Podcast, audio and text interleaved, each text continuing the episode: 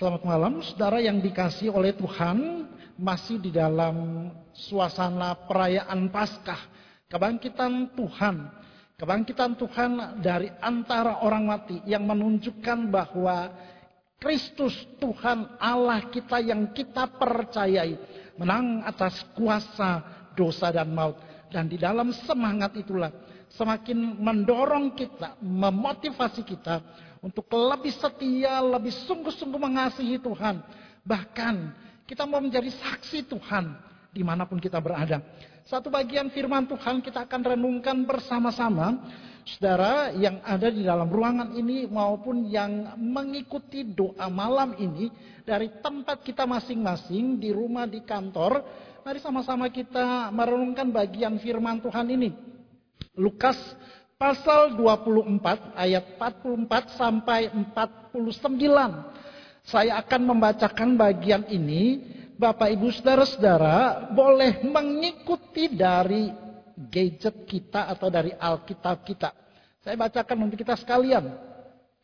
Ia berkata kepada mereka, "Iya, Tuhan Yesus, inilah perkataanku yang telah kukatakan kepadamu ketika aku masih bersama-sama dengan kamu, yakni bahwa harus digenapi semua yang tertulis tentang aku dalam kitab Taurat Musa dan dalam kitab nabi-nabi dan kitab Mazmur ayat 45 lalu ia membuka pikiran mereka sehingga mereka mengerti kitab suci. Katanya kepada mereka ada tertulis demikian Mesias harus menderita dan bangkit dari antara orang mati pada hari yang ketiga dan lagi dalam namanya berita tentang pertobatan dan pengampunan dosa harus disampaikan kepada segala bangsa mulai dari Yerusalem. Kamu adalah saksi dari semuanya ini. Dan aku akan mengirim kepadamu apa yang dijanjikan Bapakku. Tetapi kamu harus tinggal di dalam kota ini, Yerusalem, sampai kamu diperlengkapi dengan kekuasaan dari tempat tinggi.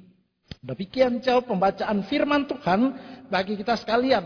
Yang dikatakan selamat dan berbahagia, kita yang membaca, merenungkan, dan melakukan firman Tuhan itu dalam hidup beriman kita hari lepas hari. Saudara yang dikasih oleh Tuhan, saya ingat dulu ketika saya masih SD, kalau guru itu menerangkan kepada kita atau menjelaskan kepada kita satu bagian yang dia ulang-ulang, yang dia bahas itu berulang kali, kita sudah tahu pasti itu sesuatu yang penting. Dan kita akan perhatikan bagian itu. Dulu waktu saya masih SD ya, udah zaman saya SD sekitar tahun 90-an, 80, 90, jadi sekarang udah tua ya begitu ya. Kalau bahasa aslinya bilang udah laule begitu ya Bapak Ibu ya. Jadi kita tuh kalau di, apa namanya dikatakan berulang-ulang maka kita pakai stabilo. Ini bagian yang penting, ini bagian yang penting. Nah, saya tahu juga pasti kita ketika kita dalam pembinaan kepada anak-anak kita di rumah, kita pun juga melakukan hal yang sama kepada anak-anak kita, khususnya orang tua-orang tua. Kalau ada hal-hal yang penting kita akan selalu mengulanginya kepada mereka, mengulangi terus, mengulangi terus. Nah saudara, kalau kita baca di dalam pembacaan kita tadi, sebenarnya itu dalam konteks pada waktu itu Yesus sudah bangkit dan Yesus menampakkan diri kepada kesepuluh muridnya. Pada waktu itu mungkin mereka dalam keadaan yang masih tergoncang karena mereka tidak pernah menyangka bahwa guru yang mereka ikuti selama tiga tahun lebih bersama-sama dengan dia harus mati, harus menderita dengan cara seperti yang demikian. Maka ketika Yesus menampakkan diri kepada mereka, Yesus kembali mengulang apa yang pernah disampaikan, apa yang pernah dikatakan Yesus pada waktu Yesus bersama-sama dengan para muridnya. Kenapa sampai saya garis bawahi Yesus kembali? Karena ini hal yang penting. Dia katakan apa? Kalau kita baca dalam ayat-ayat selanjutnya. Ia berkata kepada mereka, inilah perkataanku yang telah kukatakan kepadamu. Jadi perkataan apa yang dikatakan Yesus kepada para muridnya pada waktu itu. Dan dia kembali mengulanginya pada waktu dia menampakkan diri kepada sepuluh murid Setelah dia berkata ada tertulis demikian Mesias harus menderita. Ini perkataan kembali diulangi oleh Tuhan Yesus. Padahal sebelumnya tiga setengah tahun ketika Yesus bersama-sama dengan para murid. Yesus sudah memberitahukan hal ini kepada mereka.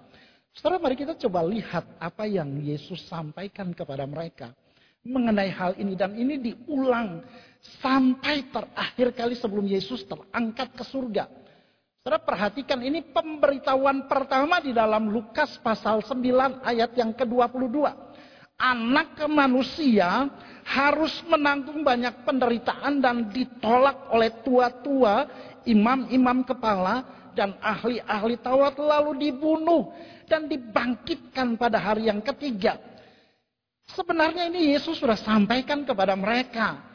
Dan pemberitahuan yang kedua juga Yesus sampaikan di dalam Markus pasal 9 ayat 31. Perkataan yang sama. Dan itu berulang sampai pemberitahuan keempat tentang apa yang akan terjadi dan apa yang akan dialami oleh Yesus.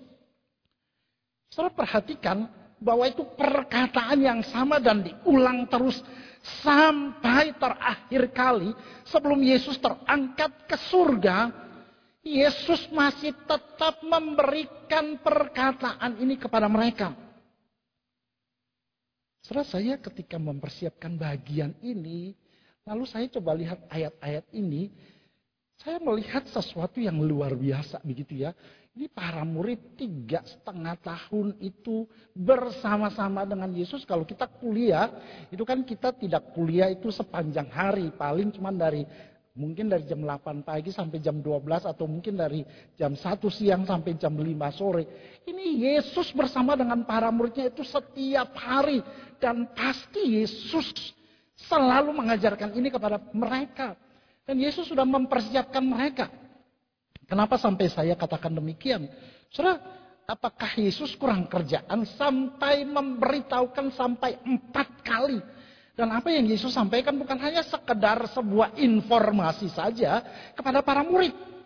Tetapi lebih daripada itu, Yesus mempersiapkan mereka supaya ketika saat dan tibanya waktu yang dia sampaikan itu terjadi, murid-murid tidak kaget. Paling tidak mereka sudah mempersiapkan diri. Tapi saudara apa yang terjadi? Perkataan Yesus itu sepertinya berlalu begitu saja. Bahkan sampai pada saat kebangkitan Yesus pun berita yang disampaikan oleh para wanita yang pergi ke kuburan Yesus. Mereka anggap sebagai sesuatu yang omong kosong angin lalu. Saudara saya bisa buktikan itu kita bisa lihat dalam pasal 24 dari Injil Lukas ayat yang ke-11 kalau saudara nanti di rumah baca keseluruhan ayat atau pasal 24 dari kitab Lukas, maka kita akan mengerti. Pasal 24 ayat yang ke-11 Injil Lukas. Tetapi bagi mereka, mereka itu siapa? Murid-murid. Bagi mereka perkataan-perkataan itu, perkataan-perkataan yang Yesus sampaikan kepada mereka yang juga disampaikan oleh para murid eh, para perempuan yang membawa kabar kepada para murid seakan-akan omong kosong dan mereka tidak percaya kepada perempuan-perempuan itu. Saudara bisa bayangkan empat kali sudah disampaikan dan ketika saat itu terjadi mereka masih tidak percaya. Bahkan berkata itu sesuatu yang omong kosong. Saudara saya ketika persiapkan bagian ini saya sampai melihat satu hal yang aneh begitu ya. Harusnya mereka tahu dong apa yang Yesus sampaikan. Apakah selama mereka mengikuti Yesus, perkataan Yesus, apakah ada yang bohong? Tidak. Tapi mereka kenapa sampai mereka pada akhirnya tidak mengerti perkataan itu? Ya, saudara, kalau kita perhatikan Markus 9:32, mereka tidak mengerti perkataan itu, tapi mereka segan untuk menanyakannya kepada Yesus. Lalu di dalam Lukas 9:45, mereka tidak mengerti perkataan itu sebab tersembunyi bagi mereka. Mereka tidak dapat memahaminya dan mereka tidak berani menanyakan arti itu kepada Yesus. Akan tetapi mereka sama sekali tidak mengerti semuanya itu. Arti perkataan itu sekali lagi dikatakan apa? Tersembunyi bagi mereka. Soalnya saya perhatikan seakan-akan itu ada selubung. Pikiran mereka itu sudah tertutup. Kenapa? Karena mereka sepertinya hilang pengharapan. Ketika Yesus disalibkan dan mengalami penderitaan. Pengharapan mereka itu ternyata keliru salah. Dan karena pengharapan mereka yang salah itulah yang membutakan pikiran mereka. Sampai mereka tidak bisa melihat tentang apa yang Yesus katakan. Satu hal saya melihat dari Yesus ini satu pribadi yang luar biasa. Kalau dia sekarang hidup di zaman sekarang, saya coba mengimajinasikan ketika Yesus mungkin hidup zaman sekarang, Yesus itu mungkin sebagai seorang manajer yang baik. Saudara misalnya kalau kita punya anak buah di kantor atau kita ngajarkan anak kita itu berulang-ulang, lalu anak kita atau anak buah kita di kantor itu tidak mengerti kira-kira apa yang kita lakukan. Kita akan marah, kita akan kesal. Kamu itu bodoh. Sudah dijelaskan berkali-kali. Kenapa kamu tidak mengerti? Ya, saudara kalau kita baca ayat-ayat sebelumnya di dalam Lukas 24 ini ketika Yesus menampakkan diri kepada kedua orang dalam perjalanan ke Emmaus Firman Tuhan dengan jelas berkata begini. Lalu ia, Yesus berkata kepada mereka, mereka dua orang yang berjalan ke Emmaus. Hai kamu orang bodoh. Bagi saya ini satu perkataan yang sangat-sangat keras. Mungkin Tuhan Yesus waktu itu udah bohwat kali ya sama para muridnya ya. Sampai diajar berkali-kali. Aduh, saya waktu persiapkan bagian ini, saya tuh selalu ingat diri saya. Saudara, saya tuh orang yang sangat tidak sabar. Jadi kalau saya disuruh ngajar anak saya, saya beda sama istri saya. Istri saya itu sabar, telaten. Berapa kali kalau ngajar dia, dia tidak mengerti itu kadang-kadang suka emosi begitu ya. Aduh, itu pasti kemarahan yang timbul. Saya pikir apa yang Yesus katakan kepada mereka, ada waktu berjalan bersama dengan dua orang ke Emmaus ini, Yesus berkata, kamu orang bodoh, betapa lambannya kamu, sehingga kamu tidak percaya segala sesuatu yang dikatakan para nabi. Jadi bagi saya, ini sebuah perkataan yang sangat keras. Tapi Sekali lagi kita melihat bahwa Yesus adalah seorang pribadi yang luar biasa. Bagi saya dia seorang manajer yang luar biasa. Karena ini berkaitan dengan apa? Tanggung jawab ilahi yang akan murid-murid emban. Karena Yesus tahu bahwa para murid mereka inilah yang menjadi saksi mata dari semua peristiwa yang terjadi dengan Yesus Waktu dia mengalami penderitaan, penyiksaan, disalibkan sampai dia dibangkitkan pada hari yang ketiga. para murid menjadi saksi mata dari semua ini. Nanti kita akan lihat ada ayat selanjutnya. Saya melihat bahwa walaupun Yesus tahu orang-orang yang mengikuti dia selama beberapa tahun, Yesus tetap mengasihi mereka. Setelah kita lihat selanjutnya. Lalu ia membuka pikiran mereka sehingga mereka mengerti kitab suci. Saudara kalau manusia itu pasti langsung bilang, ah kamu kalau tidak tahu ya udah, nggak mau ngajar lagi kita. Berbeda dengan Yesus. Ia membuka pikiran mereka. Saudara bagi saya ketika membuka, kita kalau bicara tentang membuka itu berarti ada sesuatu yang tertutup, tersembunyi. Atau mungkin ada satu selubung. Tadi saya sudah jelaskan, saya sudah sampaikan dalam ayat-ayat yang disampaikan tadi. Bahwa murid-murid itu tidak mengerti. Pikiran mereka tertutup, tersembunyi dan mereka segang untuk menanyakan. Saudara sebenarnya kalau kita melihat menarik ayat 45 ini ia membuka pikiran mereka sehingga mereka mengerti. Saudara kalau kita perhatikan kata membuka, membuka pikiran itu dari kata Yunani dianoigo yang berarti membuka secara keseluruhan atau membuka seterang-terangnya. Luar biasa apa yang dilakukan oleh Yesus. Walaupun dia tahu para muridnya itu lamban, tidak bisa berpikir dengan cepat, tidak bisa memahami, mengerti apa yang Yesus sampaikan kepada mereka. Tapi dengan rendah hati, dengan ketulusan Yesus tetap membimbing mereka. Pikiran mereka terbuka secara menyeluruh. Eh, kata yang sama itu juga dipakai ketika Lydia, seorang perempuan yang bertobat. Katakan Tuhan membuka hatinya sehingga ia memperhatikan apa yang dikatakan oleh Rasul Paulus. Ada selubung yang menutup mereka, yang menutup hati mereka, sampai mereka tidak mengerti apa yang disampaikan.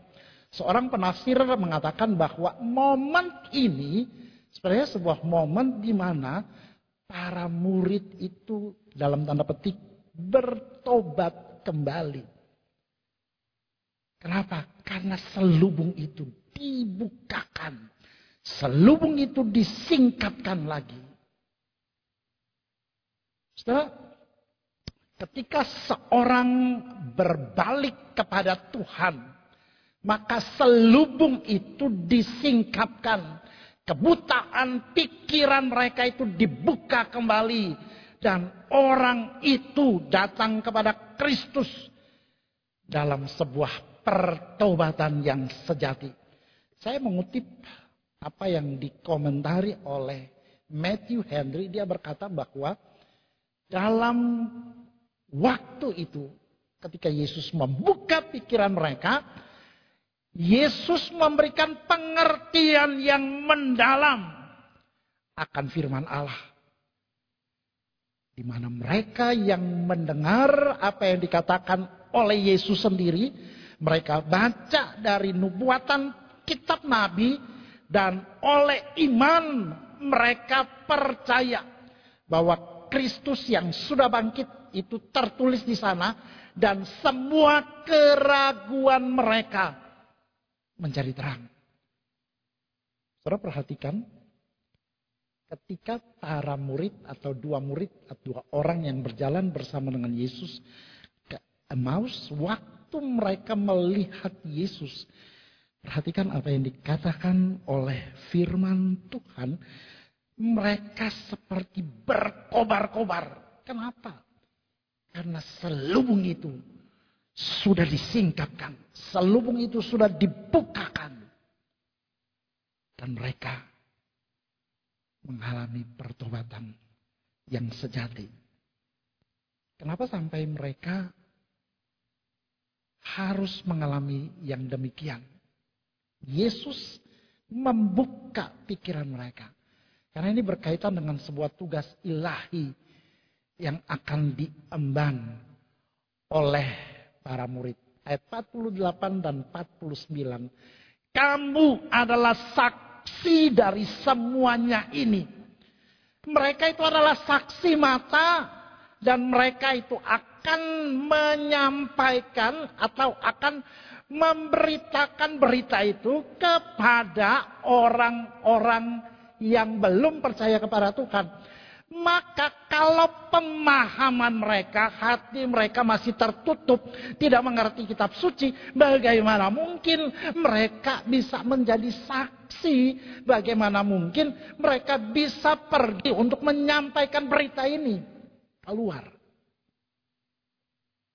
Salah satu hal yang saya lihat dari bagian ini bahwa ini seperti yang dituliskan oleh kitab suci.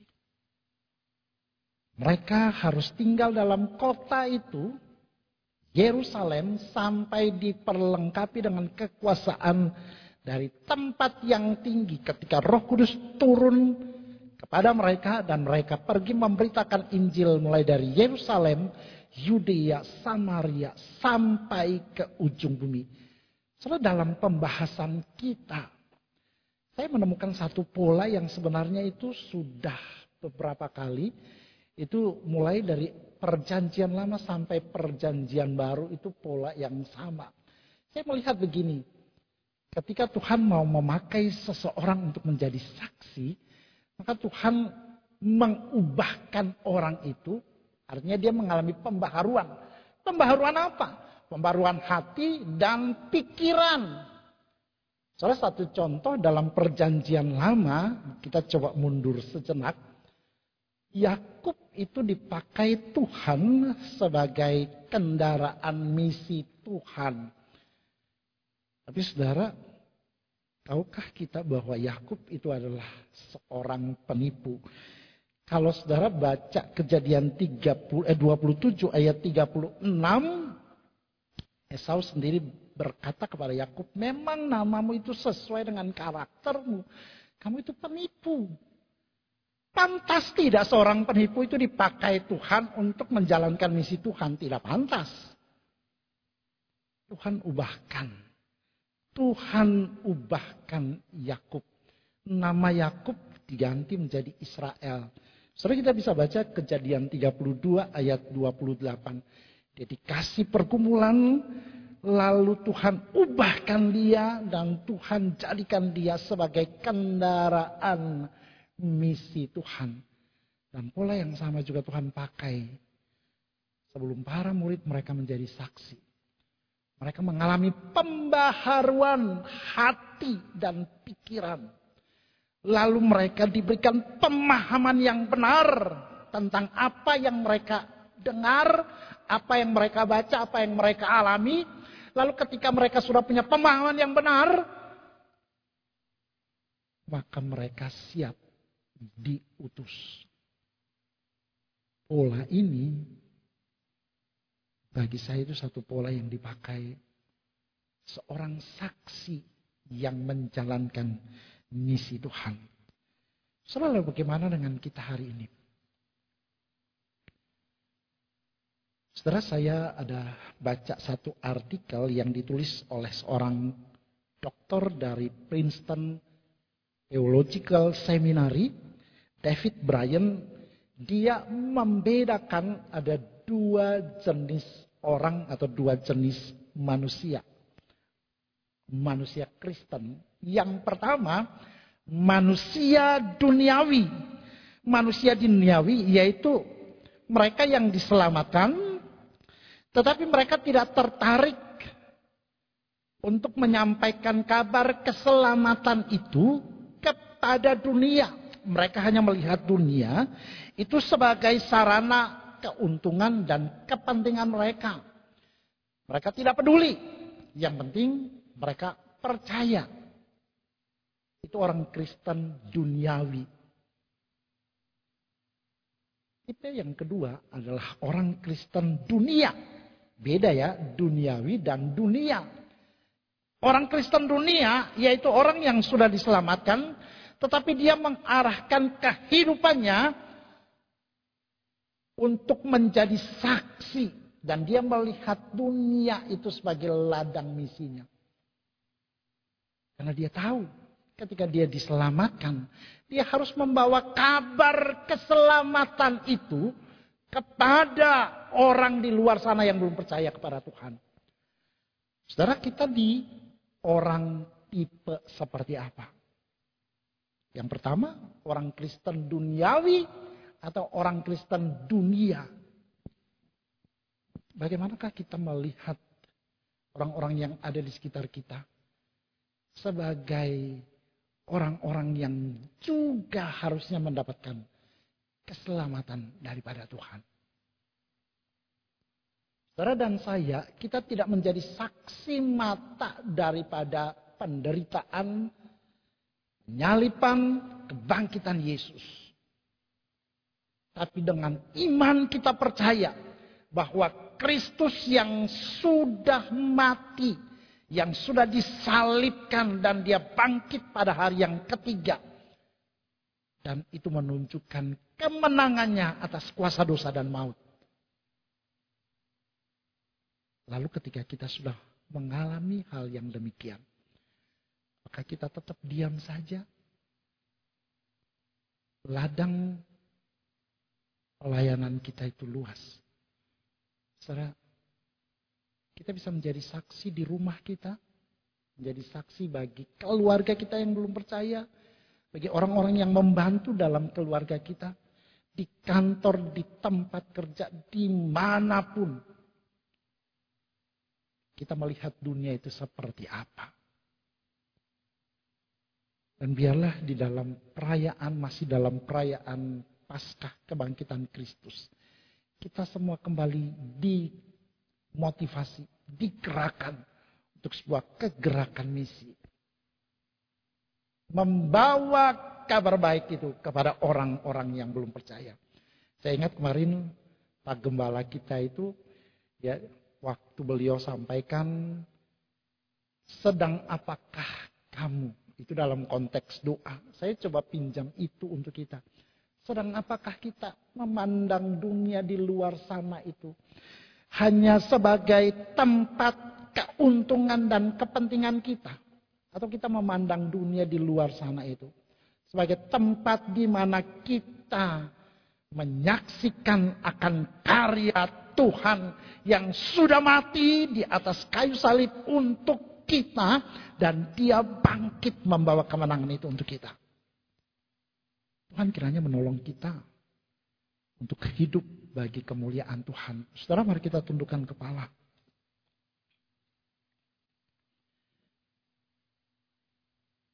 Kita merenungkan kembali kehidupan kita. Kita menjadi orang Kristen seperti apa? Orang Kristen duniawi atau orang Kristen dunia? Saudara biar saudara berdoa secara pribadi dan jawab itu di hadapan Tuhan.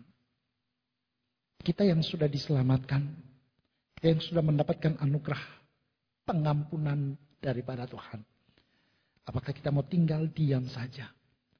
Ataukah kita mau menjadi saksi-saksi Tuhan? Tuhan terima kasih. Mungkin kami juga sama seperti para murid yang setiap hari Minggu kami datang beribadah, setiap hari Rabu kami datang berdoa, mendengarkan firman Tuhan. Tetapi mungkin ada selubung yang menutup akan hati dan pikiran kami yang membuat kami meragukan akan Engkau Tuhan. Tidak percaya akan Engkau. Mungkin kami tidak tunjukkan lewat tindakan kami. Tapi lewat apa yang kami pikirkan Tuhan tolong kami. Ubahkan kembali kami Tuhan, jadikan kami hidup berkenan kepadamu. Dan tolong kami supaya ketika kami yang sudah menyadari bahwa kami sudah diselamatkan oleh Tuhan. Kami juga mau membagikan kabar baik itu kepada orang-orang yang ada di sekitar kami. Tolong kami Bapak. Berkati kami semua ya Tuhan. Jemaat Tuhan yang ada di KKI Greenfield ini. Kami serahkan hidup dan kehidupan kami hanya di dalam nama Tuhan Yesus. Kami sudah berdoa. Amin.